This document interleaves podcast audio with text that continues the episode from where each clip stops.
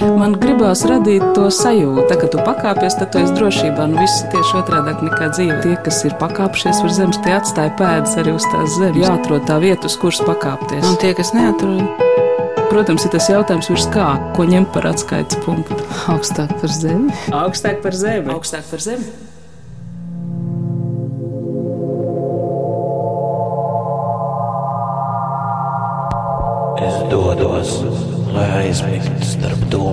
Mākoņiem, neatkarīgi ne no kādiem pulksteņiem.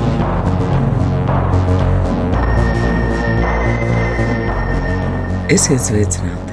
Pagājušā gadsimta 90. gada sākumā dzimušās latviešu simtpopu grupas LLL, jeb lineāro labirintu laboranti, dziesmas etīde zilītim un zilonim uzdevums šajā raidījumā ir ievest mūsu pārdaugaus betonu guļam rajonu, vecu koku māju smaržas un rudens lietus pastaigu melanholiskajās sajūtās.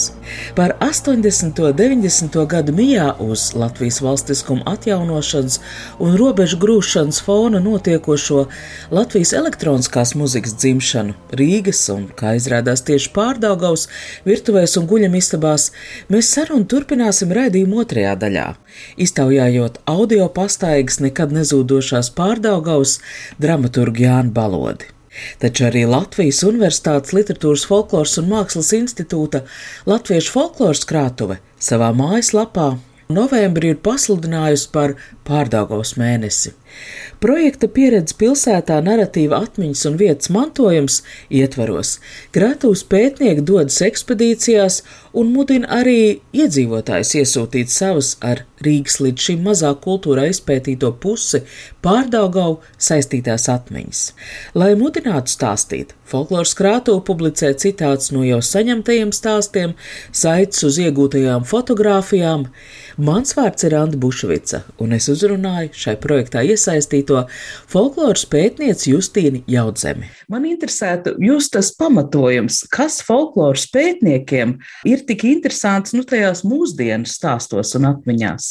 Šie mūsdienu stāstījumi atklāja pilsētas pieredzi un vēsturi un rāda, kā pilsēta ir mainījusies un attīstījusies laika gaitā. Tagad, domājot, ejot cauri Rīgai, mēs neatceramies, kāda tā bija pirms desmit gadiem, bet kad cilvēks sāk stāstīt par savu pieredzi, atklājas, kā viņš redz tās pārmaiņas, un tās patiešām ir lielas un interesantas. Cilvēki labprāt notic, ka vērtība ir ne tikai nezinu, 19. un 20. gadsimta sākuma stāstiem, bet arī tiešām šīs vienas paudzes attālumā esošās atmiņas. Ir dažādi. Parasti tas sākas ar, nē, nē, ko tad es, es jau neko nezinu, es dzīvoju tikai desmit gadus.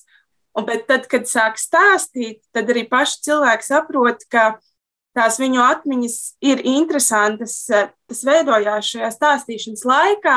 Var redzēt, ka cilvēkam pašam paliek interesantāk, ka, ah, jā, bet es arī šeit biju vēl 20 gadus atpakaļ, kad es šeit dzīvoju, man tas liekas savādāk. Tie interviju sākumi, cilvēku pierunāšana dažreiz mēdz būt tāda sarežģīta, bet jāsaka, ka vismaz manā pieredzē šajā projektā nav bijis tā, ka liktos, ka nebija cilvēkam, ko stāstīt. Jūsu pārziņā ir tieši pārdaugau šai projektā? Jā, tas tā ir. Mēs um, nolēmām, ka visu Rīgu nevarēsim aptvert. Pievērsāmies tieši pārdaugavai.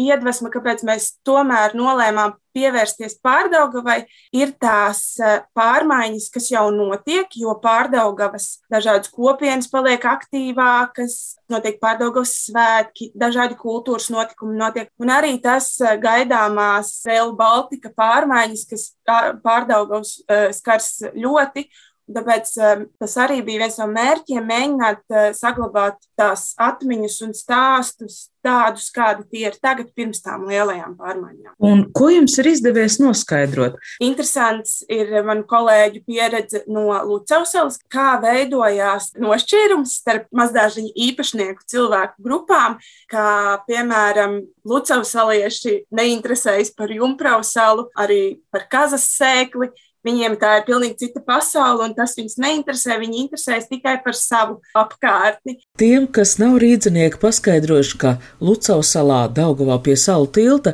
atrodas 1907. gadā iedibinātā mazdārziņa kolonija. Šobrīd Lucavas sala drīzāk ir lauka pilsētas vidū, vilina arī alternatīvu dzīvesveidu piekritējus. Šis ir stāsts arī par Daugaus salām. Nezinātājiem Lucavas sala ir tikai Lucavas sala, bet ieskatoties kartē var pamanīt, ka tā sastāv no vairākiem ūdeņa atdalītiem zemes gabaliem.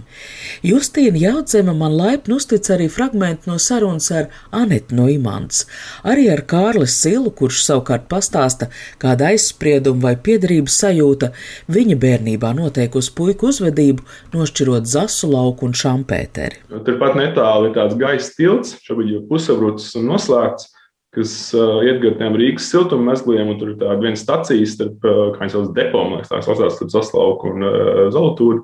Un tur ir tāds gaisa tilts, kas sauc par trubām, tās trubas ir ļoti daudziem mana vecuma jauniešiem, bērniem zināmas, un tur tikšanās vieta un pasaules bērnu kultūras centrs. Un tur mēs tā kā gājām, un tur mums nebija bail tas bija tā kā forši.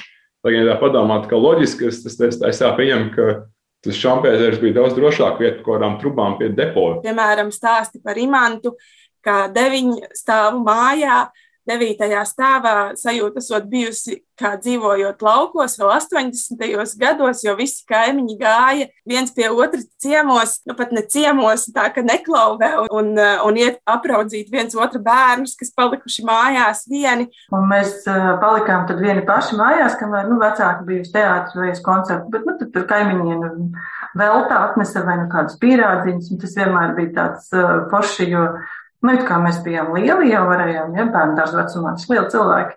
Mēs varējām palikt vieni paši, un, un, un, un, jā, un tad, zinu, ka tad vecāki pie man atgriezās, mēs jau gulējām.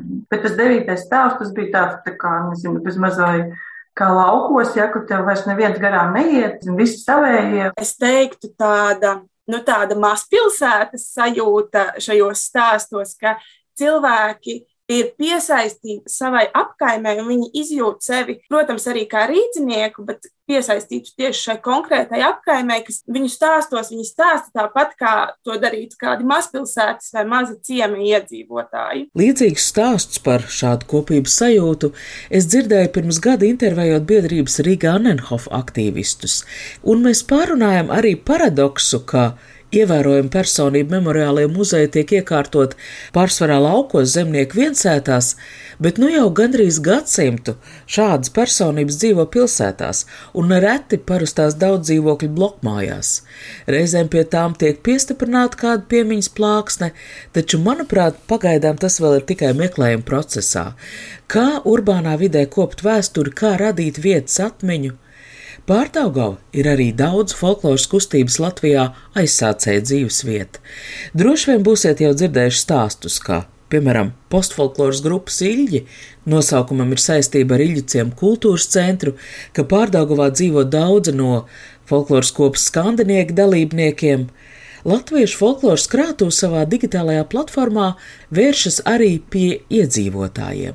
Aicinām sūtīt aizpildot anketu, iesūtīt savas atmiņas, vai arī nosūtot mums e-pastu. Tas, kā var piekļūt šai informācijai, ir garamantas.lv šķērsvītra pārdaugava, un tur var atrast visu informāciju Šie stāsti var būt garāki, var būt īsāki.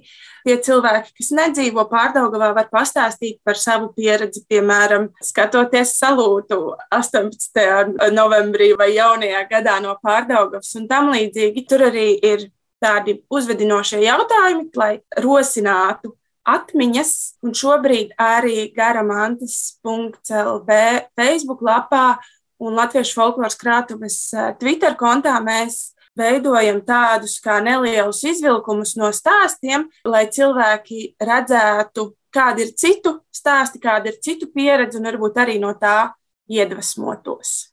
Nu, kāda stāsta tur ir? Tur, piemēram, ir um, stāsts no Melncila ielas, kas ir Agents Kalnu priedes ilģiens.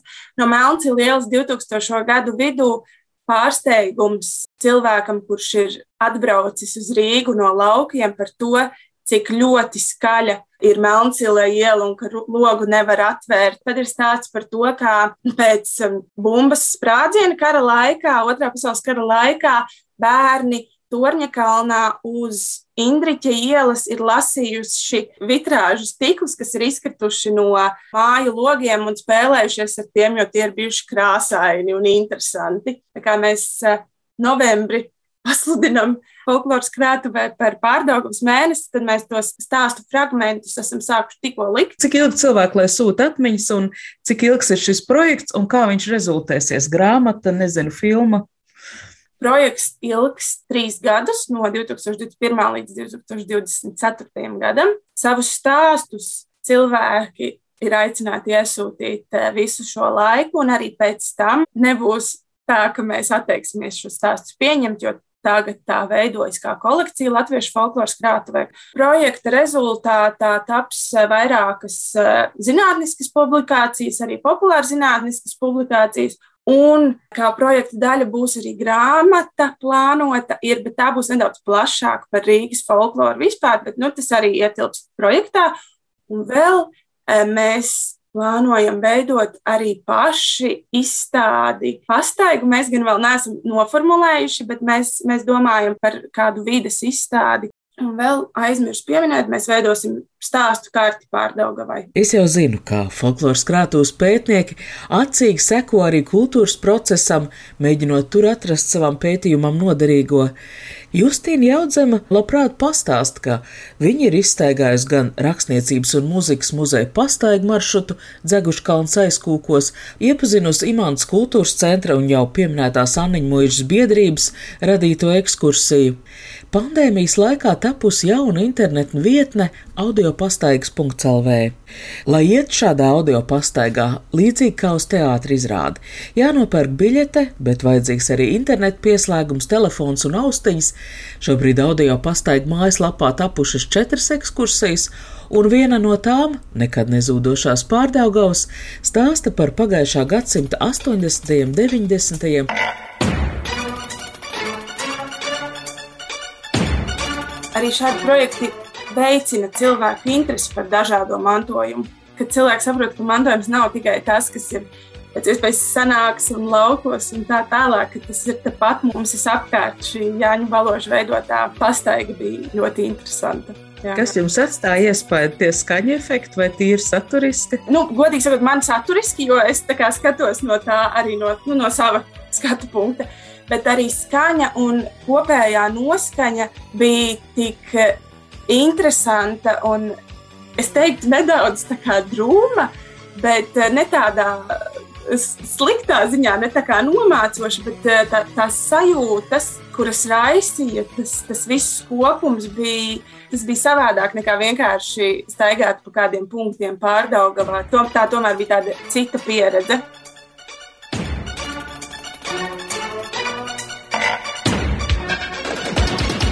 Europeans behind.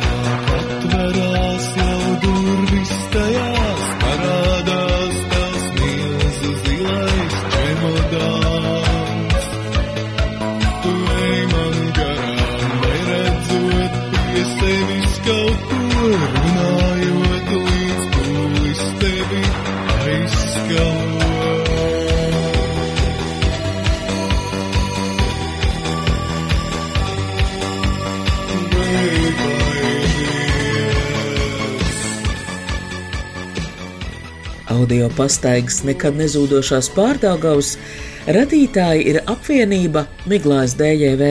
Nosaukumu otro daļu veido iesaistīto iniciāļi - Viesturs Balods, Diana Kondraša un dramaturgs Jānis Balods, kuru aicinu uz sarunu. Izrādās, esam kaimiņi, nu, protams, pārdaugavā. Norunājam tikšanos šobrīd vēl tikai iecerētajā Zasu lauku manufaktūras parkā. Pārdaugā man ir ļoti ciešas attiecības. Pār... Es uh, tikai nesen nu, pāris gadus atpakaļ sazīmēju, ka esmu piedzimis pārdagā. Es esmu dzimis slimnīcā, kur jau aizslēdz 90. gados. Tā bija sastāvā slimnīca. turpat blakus stomatoloģijas uh, institūtam. Internet vietnē atrodams arī video. Tā ir audio pastaiga idejas autora Dāvija Freiberga saruna ar apvienību Miglais DJV, un no šī podkāsta es jau šo to zinu par izrādes pilsētvidē nekad nezūdošās pārdaugavas rašanās impulsiem. Tas mans personīgais stāsts. Un to ietekmēja tas, ka es divus gadus biju projām, biju Amsterdamā. Tas bija laiks, kad es biju diezgan daudz arī viens pats.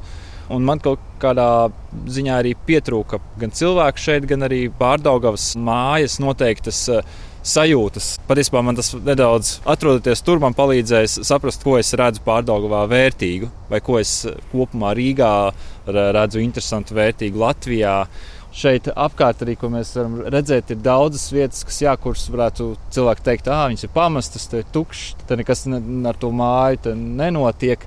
Bet uh, man atkal ir interesanti tas, ka, ka viss nav apgūts. Atšķirībā no Amsterdamas vai Nīderlandes, tur ir tā, ka tur katram kvadrātmetram ir plāns. Jauki no vienas puses, bet vienā brīdī tas sāk vismaz mani ļoti smacēt un šeit ir telpa. Teātris dzimšanā ļoti svarīga ir mūzika, noskaņa. Jānis Balodis, turpinot teātris mākslas studijas, meklējot noskaņu saviem mācību darbiem, esot aizrāvies ar 80. un 90. gadu elektronisko mūziku. Arī pats nopircis sintēzatoru skaņas eksperimentiem, klausījies šai tēmai veltīto radio naba raidījumu Absolūtais minors. Bija darbs, ko es taisīju pirmā gada beigās Amsterdamā jā, es, es neklausījos varbūt eh, koru mūziku, kas varbūt asociētos ar uh, mājām.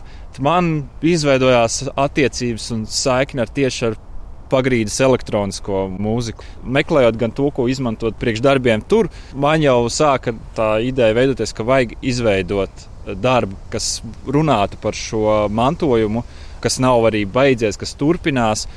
Un pētot to, parādījās tas, ka ļoti, ļoti daudzas tās tieši elektroniskās mūzikas dažādu virzienu sākumi ir pārdaugavā. Katram īstenībā virzienam te var atrast paraugus. Ja mēs runājam par jā, dark waves, industriālais avangards, minimālisms, tam var likt pretī projektu grupu vārdu cilvēku un kaut kādā jocīgā veidā tieši no šīs Rīgas daļas.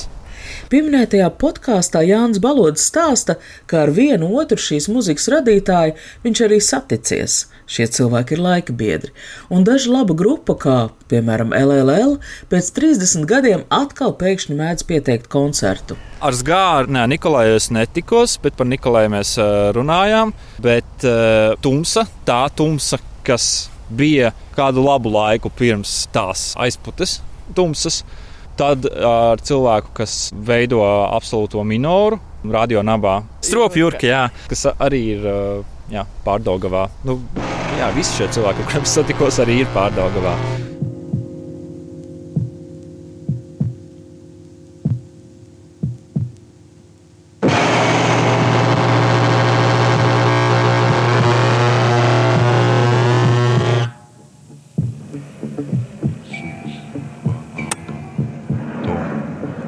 Šis ir varbūt pirmais PSRS avangarda industrijas projekts SGA. Ceļamies un ejam tālāk pa ceļu uz priekšu.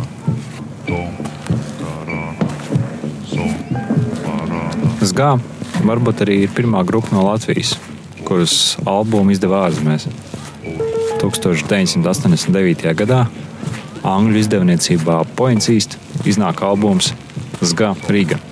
Uz albuma vāciņa balta ķieģeļu siena ar baltu numuru plākstu, Grīvas iela 11.15.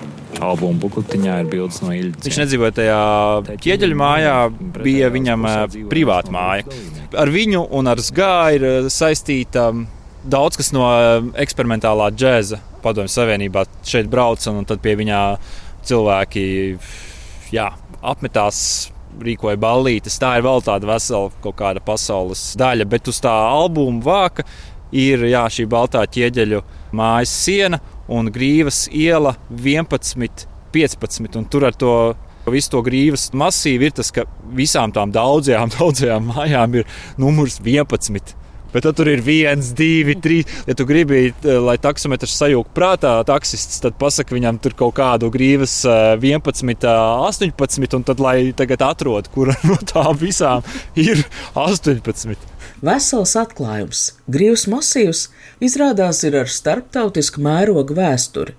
Varbūt te vajag kādu akmenī kaltu piemiņas plāksni. No vienas puses, tā bija tā pirmā lieta, kas šķita, kas visvairāk strādās, ka mēs tagad ejam, aiziesim, un te būs šeit, 4. stāvā. Tur dzīvoja, un tur bija mājas ierakstu studija. Un, un tas bija kaut kāds viens posms, ko mēs ar viesturu eksperimentējām, paši staigājām, kaut ko mēs bijām paši jau ierunājuši, klausījāmies.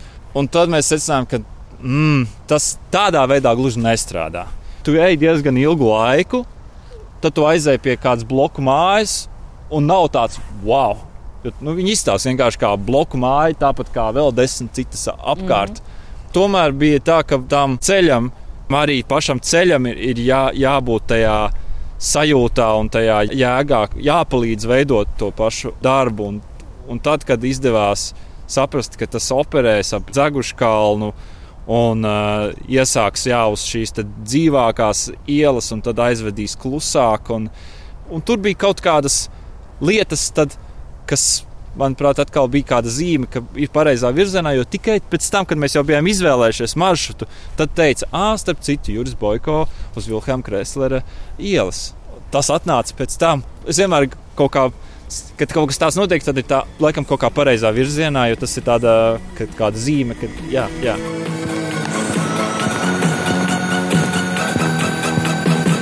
Tā ir grupas LLL dziesma ar nosaukumu Nošaujies. LL bāzes vieta ir tikai četras trolēļus pieturas atpakaļ pa šo pašu ielu. Kad es dzirdēju šo dziesmu, par vienu no svarīgākajiem vadītājiem manās gaitās bija kļuvis cilvēks vārdā L. 1739. L raksta. Iedomājies, ja skats tā vietā pa logu, kur A dzīvoja un kur LLL taisīja mūziku. Liekas, ka septītajā stāvā priekšā botāniskais dārzs ar to stikla māju, un tieši pretim logiem optiskā observatorija. Nu, tas jau laikam nevar neietekmēt. He, he, he. Apstājies, pagriezies pa kreisi. Mums pretī dzirciem ielai pievienojas mazāka iela. L raksta mazā stācijas iela, sloks iela Dzeguškalns, Bolderājas dzelzceļš, Nordeķi. Ir pilsētas daļas, kurās tāpat kā Āģī vai Torņakalnā ir tāds sensitīvs, melanholisks vietas gars, kurš apņem un pavada kā ceļbiedrs, kā māja ar spoku. Un vienalga, vai tu esi Mārtiņa kapos vai uz Māras dīķa. Šajās rimtajās pilsētas daļās rimšana notiek uz iekšā nenotveramību un introvertais manifests. Es piekrītu tam, kas ir tāds uh, sauklis tie 2011. gadā izdotajam um, kompilācijai, uh, albums, albums kompilācija Pārdaugavas stāsti, kas ir um, zem uh, izdevniecības Underbed Storage, ka Pārdaugava ir melanholiska Rīgas vai melanholiskākā Rīgas daļa, un viņa ir rosinoši melanholiska. Viņa ir aktīva, manuprāt. Tajā sarunā tur izskan melanholiskais dzeguškalna lietus vai ritmiskā bolderājas dzelzceļa sliežu troksnis. Jā. Jā, arī es aizmirsu, protams, pieminēt, kā viens no, kas, manuprāt, arī ir aizsācies pārdagavā, ir uh, lauku ierakstu veidošana. Ko tajā brīdī vēl pat, uh, tie cilvēki, kas to darīja, vēl tā nesauca to tā kā field recordings. Tas ir darīts Dzeguškalnā, Dzeguškalna vējš, Dzeguškalna lietus, dažādas vēl dabas akustiskās skaņas, tad, protams, pēc tam var apstrādāt tas slāņotas, veidotas. Nu, jā, un um, Bolderājas dzelzceļš ir atkal vēl cits stāsts. Tas ir Hārdijas ledus gājiens uz Bolderāju. Hārdija Lediņa Jūra Boiko leģendārā 1980. gada gājienu uz Bolderāju piemiņa līdz šim laikam kopta visaktīvāk. Latvijas laikmatīgās mākslas centrā glabājas pamatīgs ledeņu boiko arhīvs. Vairākas reizes arī pēc abu aiziešanas mūžībā šī mākslas akcija ir atkārtota, un kā blakne no dažādās desmitgadēs atkārtotajiem gājieniem uz Bolderāju, tagad sakrāts arhīvs, kurā var izzināt arī, kā mainās pilsētas skaņas. Pilsētas skaņās pamatīgi iedziļinājušies arī izrādes nekad nezūdošās pārdaugavas veidotāji. Mēs izdomājām, ka jāiet uz Bolderāju kopā ar Juriju Baiko, jo es dzīvoju vienā pusē Bolderājas dzelzceļam, un Juris Baiko dzīvo otrā, dzīvoja otrā pusē Bolderājas dzelzceļam. Juris Boiko un Hārdijs Lediņš ir klases biedri. Abi kopā mācījās skolā, kur ir netālu no tās mājas ar skatu uz botānisko dārzu. Lai mēs satiktos, mums vajadzēja kaut kur kādu vietu, kur satikties, un tas izrādījās pa vidu tieši ir Bolderājas dzelzceļš. Mēs skatījāmies, Baltrās dzelzceļš tā vilinoši aiziet kaut kur tur tālumā, un kas gan tur ir. Tad mēs nolēmām, ka jāsāk iet uz to pusi, un mēs sākām iet uz Baltrās. Tur arī ir vairāki slāņi, kā tas tika nu, veidots. Ir atsevišķi rakstīti visi soļi. Visi soļi bija rakstīti naktī. Pavasarī laika posmā parasti no 11, parasti 12 līdz 3 vai 4. Jo tas ir brīdis, kad putni guļ. Mums likās tā, ka mēs paņemsim, staigāsim, parunāsim tekstu, ierakstīsim soļus, un, un viss kaut kas, kas pilsētā skan apkārt, būs jauki un uh, interesanti. Bet uh, tā tas nav. izklausās nekontrolēti, izklausās tā nu, dabīgi, haotiski, bet tas patiesībā ir radīts haoss no dažādiem slāņiem, dažādiem līmeņiem. Piemēram, cilvēku sarunas, kas tur ienāk iekšā celiņos, ir atsevišķi ietas uz parku, ķertas, vajadzēja bērnu sarunas. Tad kādā veidā atrast bērnu grupu, kādā veidā tev būt neitrāli blakam, lai viņi tev nepievērš uzmanību un dabūt frāzes, un tad tās ir līmēt iekšā tajā attiecīgajā Tā kā, jā, un atkal balss, jā, balss mēs arī rakstījām, nerakstījām studijā, lai būtu mazāk sterili, un tas, tas ir rakstīts Zaguškalnā arī naktīs. Es vienmēr esmu bijis pārsteigts par to, cik ārkārtīgi sarežģīts tehnoloģisks process ir atveidot ikdienas dzīvi. Man liekas, ka tur arī nu, ir tā sabalsošanās ar Kārdiju Lēdiņu, manuprāt, Juri Boiko, jo viņi arī kā performances mākslinieki nu, viņus interesē jā, šī pludināt šo, šo robežu starp dzīvu un mākslu, un kā to ikdienu arī padarīt par uh, mākslas notikumu, un ka tu vairs nevari īsti pat uh, izšķirt, ka tur nav šī tik strikta robeža.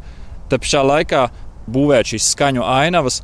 Daudz darbi darbojās ļoti bieži ar 19. gadsimtu, jo tad tu vari būvēt, nu, tu, jā, tu būvē zirgus, kas brauc un, un tā. Un tas bija tas, ko mums ar viesturu bija. Tā, ne, tas mums, nu, šā mums neinteresē. Mēs gribam kā mēs varam eh, to skaņu ainavu, kas ir jau, varbūt mēs viņu kaut kā mainām, bet strādāt ar to, sajust šo atmosfēru. Laiks pārdaugu atstāt un atstāt šo laiku. Audio pastaiga nekad nezūdošās pārdaugavas noslēdzas ar šādu itin kā modināšanu, kurā stāstnieku balss sauc atpakaļ no ceļojuma laika, atgādinot par šobrīd darāmo, Arī mums laiks pārdaugavu atstāt un no ierosinātās tēmas izdarīt plašākus secinājumus. Man šīs sarunas lika aizdomāties, cik dinamiski mainās pilsēta, cik gaistošas ir tās smaržas, skaņas stāsti. Ja līdz šim pilsēta mums vairāk asociējās ar ēkām un ielām, tad mūsdienu tehnoloģijas ļauj tvert un saglabāt arī gaistošākas lietas. Kāpēc? Kāpēc? Vai tā tiešām nesīs vairāk labumu nekā krampi, naidu un atbalsts? Bet kas nesīs? Latviešu folkloras krātuves digitālā platforma garamants.lv gaida jūsu stāstus un atmiņas, audio pastaiga nekad nezūdošās pārdaugaus, vietnē audio pastaigas.lv tagad pieejama arī angliski No jums atvadās šī raidījuma veidotāji. Mani sauc Anna Bušvica, par šī raidījuma skaņu gādāja Nora Mitspapa.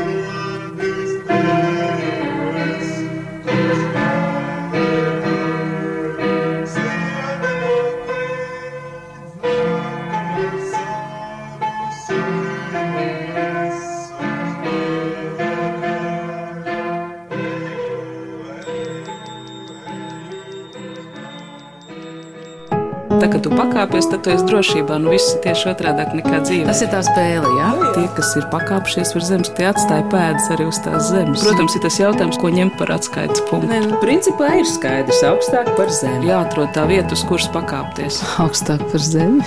Augstāk par zemi. Augstāk par zemi.